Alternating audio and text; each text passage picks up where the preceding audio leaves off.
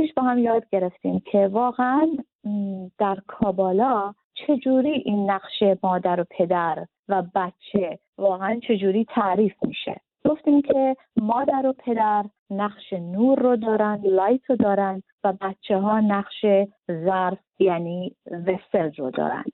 پس ما داریم میگیم که رابطه مادر و پدر با بچه مثل رابطه خداوند با بنده هاش و دارم هفته پیش که واقعا یعنی چی؟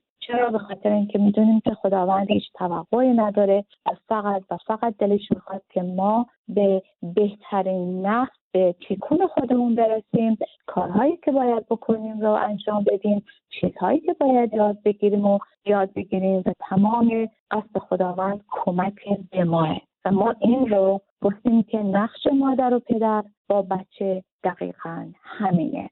پس اگر مادر و پدر واقعا نور هستن و بچه ها ظرف هستن ما هر نوری به اینا بتابیم و بدیم و درون ظرف بریزیم همون رو بهمون پس میدن. پس واقعا بچه ها تو زندگی من و شما آینه ما هستن که منعکس می‌کنن اون چیزی که ما بهشون دادیم. و در ضمن شما می‌دانید که وقتی راجع به نور و ظرف صحبت میشه اینم دوست دارم بگم ممکنه به بچه ممکنه رفت نداشته باشه ولی دوست دارم اینم باتون شیر کنم. در کبالا حتی رابطه زن و شوهر رو شوهر رو نور می‌دونن و زن رو ظرف می‌دونن و واقعا چیزی که اینجا هست هر نوری که شوهر به زن میده نور به چه معنی؟ هر رفتاری که می‌کنه هر کاری که می‌کنه هر برخوردی هر تجربه هر حرفی که می‌زنه اگر ظرفش زنش هپی نیست نور اونه و ظرف فقط داره نور شوهر رو اینجا منعکس می‌کنه. یه نفر از من یه سوال خیلی خوبی کرد خیلی وقت پیش. گفتش که بگو ببینم خداوند مگه همه دخترها رو خداوند نآفرید؟ پس چرا انقدر دخترها واقعا هیچ کدومشون کامل نیستن؟ واقعا یه چیز جوابی که من می‌تونم به شما بگم اینه که خداوند دخترها رو آفرید. ولی زن رو شوهرها پرورش میدن. زن رو شوهرها پرورش میدن. اینم خواستم فقط بگم البته در چارچوبه درس ما نبود ولی یادم اومد و دوست داشتم با شما شیر بکنم. به هر جد پس ما می‌دونیم که اگر هر چیزی که بچه ها هر مسئله و مشکلی که دارند هر ایرادی دارن هر چیزی کم و زیاد دارن باید من خودم مادر پدر خودمون رو نگاه کنیم و با عوض کردن خودمون می‌تونیم بچه ها رو عوض کنیم. یه مثال دیگه ای که زدم این بود که تصور کنید که بچه های ما هر کدومشون یه گلدونن و ما این گلدون رو می‌خریم میاریم خونه. بهشون آب میدیم بهشون غذا میدیم آفتاب میدیم ویتامین میدیم به اندازه کافی همه چیزشون پروواید می‌کنیم. از کار ما اینه که از اینها به نحو احسن چه کار کنیم مواظبت بکنیم. ولی ما نمی‌تونیم به این گلدون بگیم چه گلی بده و چه رنگی بزن چه رنگی بیار از تو وجودت بیرون. چون واقعا بچه ها با هم فرق دارن. اگر ما ده تا بچه هم توی خانواده به دنیا بیان زیر یه سخت و با یه مادر و پدر باز تیکونهاشون با هم متفاوته و فرق می‌کنه.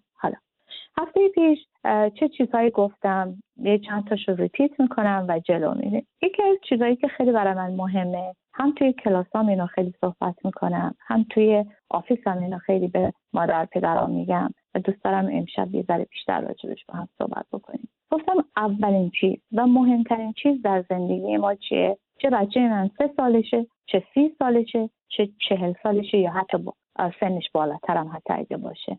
که من در مقابل بچه ها عکس عمل نشون ندم واکنش نشون ندم. چرا؟ به خاطر اینکه هفته پیش با این وجود که توضیح دادم ولی این رو نگفتم. ببینید اگر آدم های دیگه کاری می‌کنن که مادر پدر رو نگران و ناراحت می‌کنن که حالا خاله باشه امو باشه دایی باشه همسایه باشه دوست باشه رفیق باشه. اگر هر کاری که آدم های بیرون آدمایی که توی خانواده من نیستن دورن از من. هر کاری با ماها پرنسا می‌کنن هر کاری که با ما می‌کنن هیچ رفتی به بچه نداره.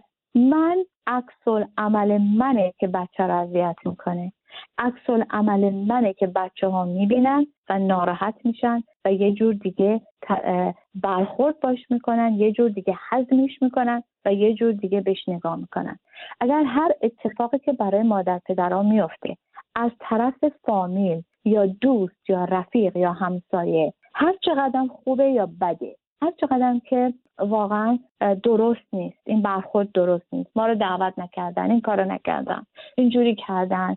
نمی‌دونم هر بحثی هست هر چیزی که هست رفتی به بچه ها نداره. برخورد منه که بچه ها رو اذیت می‌کنه.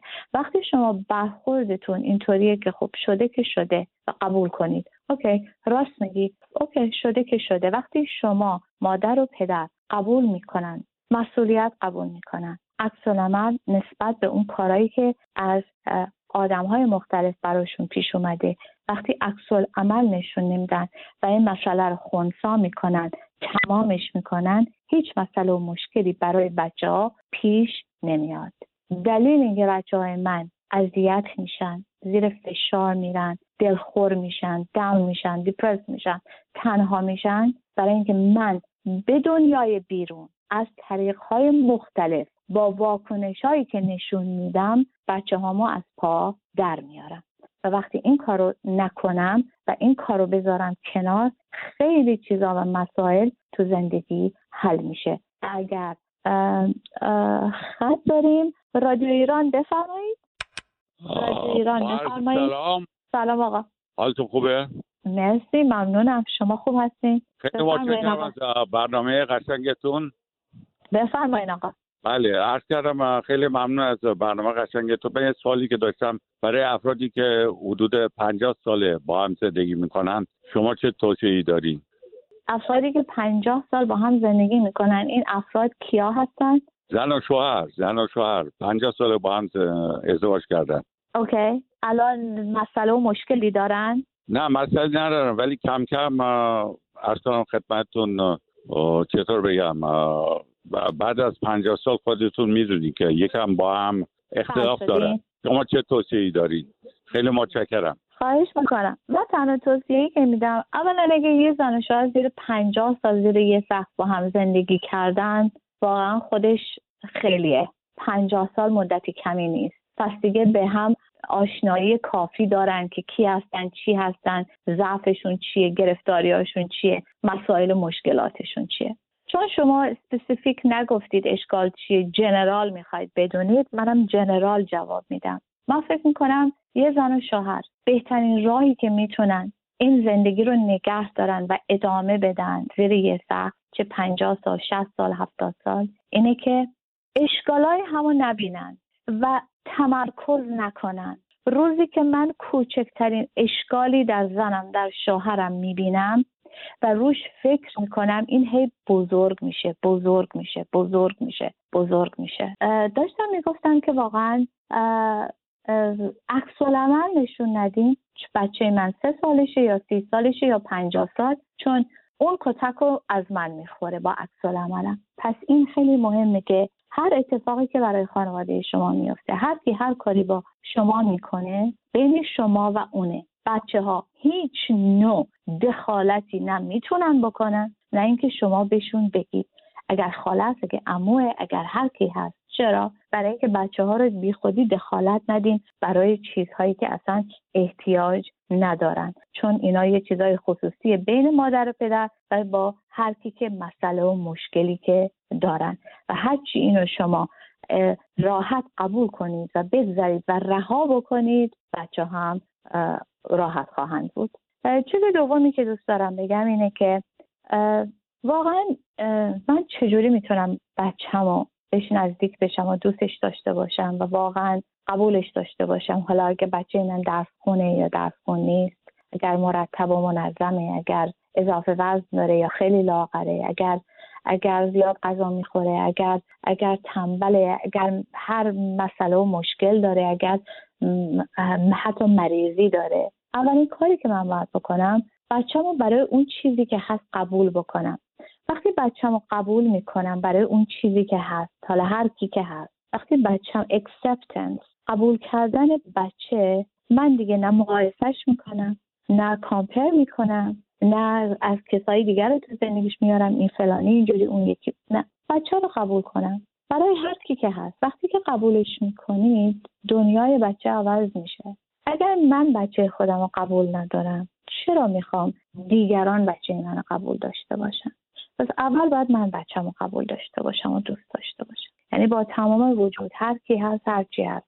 هر کاری که می‌کنه و نمی‌کنه. هر چی که داره و نداره. در هر جایی که قرار گرفته اولین چیز اینه که من بچه رو قبولش بکنم بهش اطمینان کنم و به احساسش احترام بذارم. درست وقتی بچه کوچیکه می‌خواد از در بره بیرون میگم نه نه نه سرده حتما باید ژاکت تو بپوشی. یعنی تو نمی‌فهمی تو حس نداری. این کار رو در بزرگی هم می‌کنیم. اگر بچه شما هر احساسی که داره نسبت به هر چیزی و هر کسی. اون احساس رو باید embrace ش کنید. باید respect براش داشته باشید.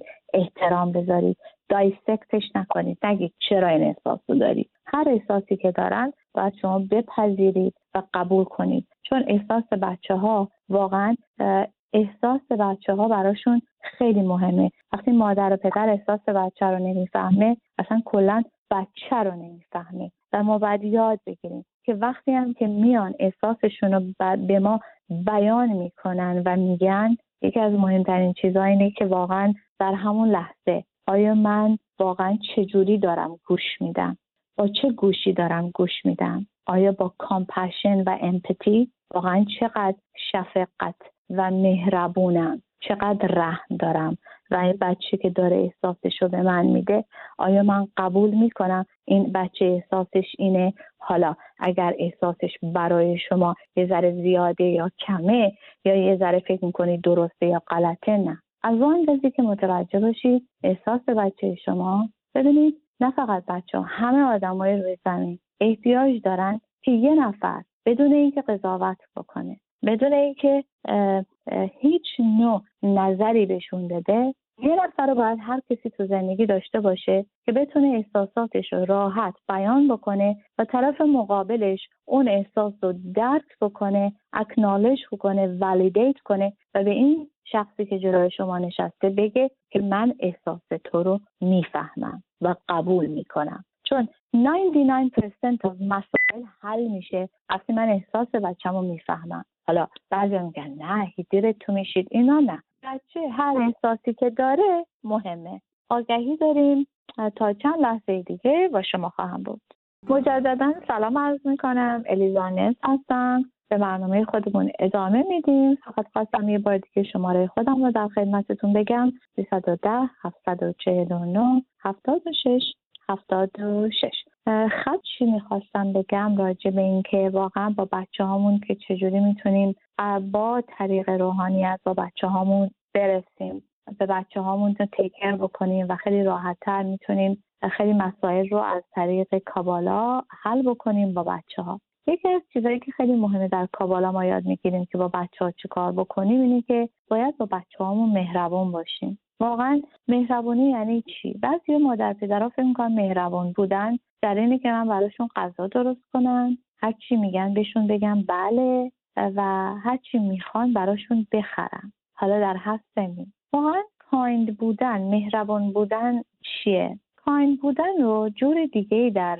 کابالا ترجمه می‌کنه. ببینید همینجور که مادر و پدرها مسائل و مشکلات خودشونو دارن و اگر یه addiction یه مادر پدر داره یا یه character flaw ی داره یه مادر و پدر که در خودش باید عوض بکنه ممکنه ماه‌ها و سالها طول بکشه. ولی متاسفانه به بچه هامون که می‌رسه ما طاقتمون خیلی کمه. میگیم نه همین الان عوض شو. همین الان این شخصیت رو در خودت عوض کن. همین الان این addiction رو نداشته باش. ما چقدر هممون خودمون addiction داریم؟ ولی به بچهمون که می‌رسه اصلا مهربان نیستیم. ولی باید بدونیم که در مقابل بچه مهربان بودن به این معنیه که اگر من مسئله و مشکل در اون بچه می‌بینم با مهربانی صبر کنم patience داشته باشم. اجازه بدم که این بچه برای خودش اون مسئله رو حل بکنه. چرا؟ به خاطر اینکه این بچه مهربان بودن فقط اینه که من در مقابل مسائل و مشکلات این بچه واقعا با آرومی برخورد بکنم. و بفهممش که اگر این addiction یا این character flaw رو داره به راحتی قبول بکنم. همونجور که نمی‌تونم در خودم تو یه شب تو یه ماه خیلی چیزا رو حل کنم در مقابل شاید با بچه‌ام هم همونجور باشم. این رو هفته پیش زیاد تلفن داشتم که اگر شما راجع روحانیت میگید که در کابالا میشه به بچه ها کمک کرد و راه شما متفاوته پس شما بگید اگر ما بچه داریم که مسائل روانی یا mental illness یا اگر physically مسئله داره ما مادر پدرها باید چه کار بکنیم؟ اولین چیزی که می‌تونم بگم اینه که بچه شما هر مسئله و مشکل روانی که داره حتی اگر دیپرسته اگر افسرده است اگر اگر انزایتی داره حتی نمی‌دونم بایپولر حتی اسکیزوفرنیا طوری که کاوالا به این بچه ها و به این آدم ها نگاه می‌کنه خیلی با روانشناسی متفاوته. براتون توضیح میدم. در کاوالا به این ها میگن یه برچسب یه لیبل. یه برچسب که من به بچم می‌زنم این بچه دیپرشن داره. چرا اینجور نگاه می‌کنه کابالا به خاطر اینکه تو درس کابالای ما در تورای ما میگه هر کسی در این دنیا میاد با هر مسئله و مشکلی که میاد تکونشه و باید با همین مسئله و مشکل یه چیزی یاد بگیره و مادر پدر بالاترین کاری که باید بکنن این برچسبا رو بردارن و به این بچه ها عشق زیاد بدن واقعا کمکشون کنن از همه لحاظ و این label ها رو بردارن. خب چیز دیگه که می‌خوام بگم. در روانشناسی خیلی مخالفت می‌کنه که ازدواج برای آدم هایی که mental illness دارن حالا هر چی از ساده ترین تا مشکل ترین. میگن این کار رو ازدواج نکنن تا این مسئله رو بتونن اول کمک بگیرن و بعد یواش یواش اگه تونستن و همه توی کتاب های روانشناسی میگن ازدواج هیچ مسئله رو حل نمی‌کنه و واقعا اشتباهه که کسی که مسئله و مشکل داره ازدواج بکنه. ولی در کابالا کامپلیتلی اینو دینای می‌کنه. و میگه هر کسی در این دنیا میاد با هر مسئله و مشکلی که داره حق ازدواج داره و برای هر شخصی اون زوج هست و باید اگر موقعیتش هست که بتونه ازدواج بکنه بکنه بهتره. چرا؟ به خاطر اینکه ما یک چیزی رو یادمون نباید هیچ وقت یاد بره. تنهایی برای همه بده. مهم نیست لیبل رو اون بچه چیه. تنهایی همه رو از پا در میاره. و اگه یک کسی بتونه یک کسی رو پیدا بکنه جذب بکنه که باش زندگی بکنه و این خودش خیلی تو زندگی کمک می‌کنه. خیلی ها تعجب می‌کنن وقتی من میگم که نه هیچ اشکالی نداره اگه یه نفر این مسئله یا اون مسئله رو هر مسئله روانی که داره داره می‌تونه ازدواج بکنه. چرا کابالای ما این حرف رو می‌زنه؟ به خاطر اینکه تمام کسایی که این مسائل و مشکلات رو دارن البته همشون مثل هم نیستن. هر کدومشون مسئله و مشکل خودشونو دارن و هر کدومشون با یکی دیگه متفاوتن. حتی اگه دایگنوستزا یکی باشه یکی با یکی دیگه فرق می‌کنه. این دلیل اولشه. دلیل دومش چیه؟ که کابالا به من میگه من کیم که به یکی بگم چجوری زندگی کن. سومیش تنهایی. هیچ بدتر از این نیست که کسی تو زندگی تنها باشه. تنهایی پدر همه رو در میاره. اگر ما بتونیم برای عزیزانمون بتونیم کمک کنیم که ازدواج بکنن مریضی حل نمیشه خوب نمیشه از بین نمیره. ولی بهش کمک میشه. بهش کمک میشه. وقتی یه دختر یه پسر یکی میاد باش زندگی می‌کنه با هر مسئله و مشکلی خیلی راحتتر می‌تونن زندگی رو بگذرونن تا اینکه تنها باشن. پس ما در کابالا طوری که با اینها برخورد می‌کنیم اینه که فقط اینها رو برچسب ها رو میگیم لیبل ها رو بکنید و احترام بهشون بذارید. چون واقعا وقتی با بیشتر اینجور آدم ها میشینید و پا میشید می‌بینید واقعا هایی هستن روحهایی هستن آدمهایی هستن نظیرن اصلا عیبی ندارن. وقتی حالشون خوبه انقدر خوبن که نمی‌تونی تصور بکنی که این مسئله و مشکل داره. اگر کسی نمی‌تونه با اینا برخورد بکنه مسئله و مشکل خودشه. مسئله و مشکل خودشه. خلاصه. و دید کابالا اینه که ما واقعا باید به اینها اهمیت بدیم و تا اونجایی که می‌تونیم به مادر پدر این بچه ها فامیل ها باید کمک بکنن. متاسفانه در جامعه زندگی می‌کنیم مخصوصا در جامعه ایرانی که خانواده هایی که بچه هایی دارن که این بچه ها مسئله و مشکلی دارن به جای اینکه خانواده ها بیان به این مادر پدرها کمک کنن محبت کنن برو بیا کنن و دور برشون شروع بکنن بیشتر عقب میرن و متاسفانه اون رفت آمد و اون برخوردهایی که باید باشه نمیشه و این واقعا برای اون مادر پدر خیلی گرون تمام میشه. و امیدوارم که یه روزی به یه جایی برسیم به جای اینکه برچسب بزنیم و عقب نشینی بکنیم همه بیایم با هم واقعا یه حس خیلی خوبی داره وقتی آدم و مشکلی داره و خانوادهش به زنگ بزنن و احوالش رو بپرسن و ازش بخوان که اقلا یه کافی با هم بخورن که کم دردشون پینشون کمتر بشه. امیدوارم که این در جامعه ما یه ذره تکون بخوره یه خورد مردم عوض بشن نسبت به احساسشون نسبت به اینجور بچه ها ما در کابالا یاد می‌گیریم به جای اینکه انقدر راجع به دنیای بیرون حرف بزنیم و بریم ببینیم دنیای بیرون چه خبره و بیرون چه کار بکنیم کابالا میگه بیشتر دنیای درونت بشناس ببین در درونت چی میگذره. هر کی هستی هر چی هستی. به جای اینکه انقدر فوکس بکنیم برای دنیای بیرون باید دنیای درون. بچه های ما باید ببینیم در درونشون چی میگذره. همه بچه ها همه ما یه مسئله و مشکلی داریم. یکی پررنگتره یکی کمرنگتره. برای همین کابالای ما به اینها فقط یه برچسب میگه یه لیبل میگه. میگه انقدر جدیش نکن بزرگش نکن بزرگش نگیر. همه آدم های رو زمین تمام ما همه ما یه مسائل مشکلی داریم. و باید اون رو بچسبیم. خودمون رو درست بکنیم و احساس خوبی بکنیم. حالا هر مسئله و مشکلی که بچه ها دارن اقلا ما خودمون مادر پدرها حالمون با خودمون خوب باشه چون اون خودش خیلی مهمه. ببینید هر اتفاقی که برای بچه من و شما تو زندگی میفته قسمت میشه به دو به, به دو تا چیز ربط داره. یکی ژنه و یکی اون محیطی که توش بزرگ شده. من تو تمام کلاسام همیشه میگم میگم ممکنه خیلی ژنا تو فامیل شما باشه. ژن depression anxiety اضطراب اینا همه ژن هست. درست اون دروغ نمیشه.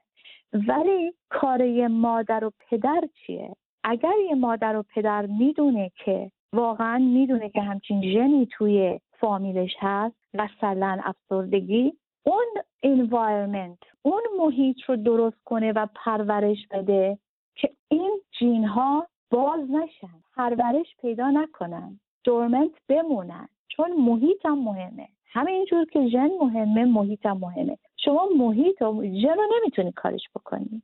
ولی محیط رو می‌تونی. محیط خیلی مهمه. هپینس خیلی مهمه. یادتون نره. گفتم خیلی وقت پیش گفتم. بالاترین دیسیژنی که هر کسی می‌تونه تو زندگیش بگیره این نیست که با کی ازدواج کنم چه کار کنم چقدر پول درارم این این. مهمترین دیسیژنی که هر کسی تو زندگیش می‌تونه بگیره یه چیزیه. انتخاب کنه خوشحال باشه. انتخاب بکنه to make this choice to be happy.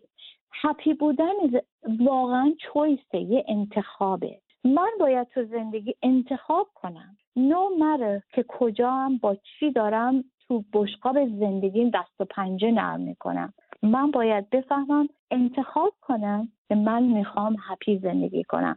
من می‌خوام خوشحال زندگی کنم. چون واقعا خوشحالی با اون چیزایی که داره تو زندگی برای شما اتفاق میفته رابطه نداره. چون خوشحال بودن خوب زیستن خوب زندگی کردن یه تصمیمه. روزی که من تصمیم می‌گیرم که با تمام مسائل و مشکلاتم هپی باشم خوب زندگی کنم جوی داشته باشم ذوق داشته باشم.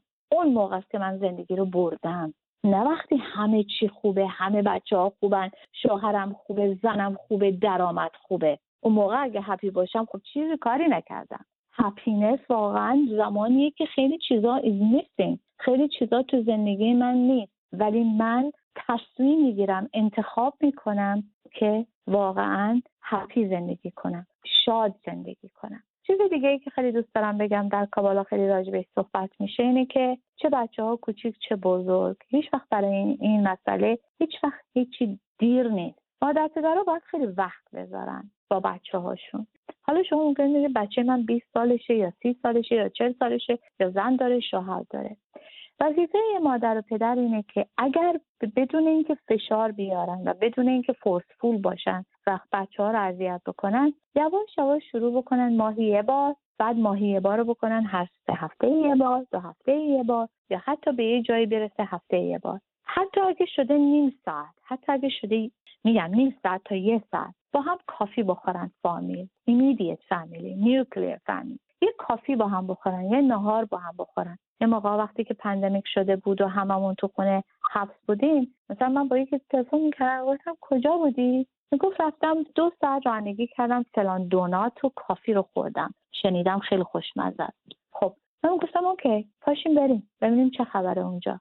چون با هم بودن و از اینم بگم با هم بودن یه قانون داره. ما با بچه که وقت می‌ذاریم مثلا اگه بزرگتر هستن این وقت نمی‌ذاریم که ازشون سوال کنیم چه کار کردی چه کار نکردی. کی تو زندگیته کی تو زندگیت نیست. ما اینو وقت می‌ذاریم که باشون اون باندینگ رو به وجود بیاریم. باشون خوب باشیم دوستشون داشته باشیم و بفهمن که تو زندگی ما رو دارن. نه اینکه ازشون سوال کنیم چی کار کردی چی خوردی با کی میری بسی با پسری راه میری یا با دختری راه میری. نه. نه اینکه ازشون سوال کنیم بلکه بگیم بخندیم شاد باشیم باشون وقت بذاریم که بدونن تو زندگی تنها نیستن. مخصوصا از پندمیک تا حالا از وقتی که کرونا ویروس اومده تا حالا خودتون می‌دونید که چقدر متاسفانه بچه ها اذیت شدن. برای همین خیلی دوست دارم که تا اونجایی که می‌تونید وقت بذارید عشق به بچه ها بدید و روحانیت اینو خیلی راحت به ما یاد میده. وقتی میگه تو خدایی و بچه ها ظرفن این خودش خیلی حرفه. و وقتی واقعا اینو بفهمن هیچی نمی‌تونن. یه تو دیگه به بچه خودم نمی‌تونم بگم و اذیتش نمی‌تونم بکنم. و وقت یه دقیقه وقت داریم. دارم فکر می‌کنم تو این یه دقیقه واقعا چی می‌تونم بگم؟ می‌تونم بگم که هر چی که می‌خواین بچه ها باشن باید بهشون نشون بدید. هر چی که می‌خواین اونا بکنن شما باید انجام بدید. اگر ندیدن چیزی رو تو خونه نمی‌تونید توقع داشته باشید که اونها برن برای ما انجام بدن چون هیچ وقت ندیدن. اگر صمیمیت ندیدن اگر عشق ندیدن اگر اگر نزدیکی ندیدن اگر bonding نبوده اگر شفقت نبوده compassion نبوده اگر خیلی چیزا نبوده اگر نبوده نمی‌تونم توقع داشته باشم. چیزی رو که ندادم ازشون بخوام. پس الان احتیاجی نیست که ناراحت بشیم. فقط یه کاری بکنیم. اون چیزی که می‌خوام اونا بکنن رو انجام بدن خودم برم بکنم. مادر پدر رو بکنید نتیجهشم می‌بینید که واقعا می‌بینید چه شما رو کپی می‌کنن. به اتمام برنامه رسیدیم. از آقای بلندیان تشکر می‌کنم. برای تمام زحمتاشون واقعا از همه خداحافظی می‌کنم. تا هفته آینده خدا نگهدار.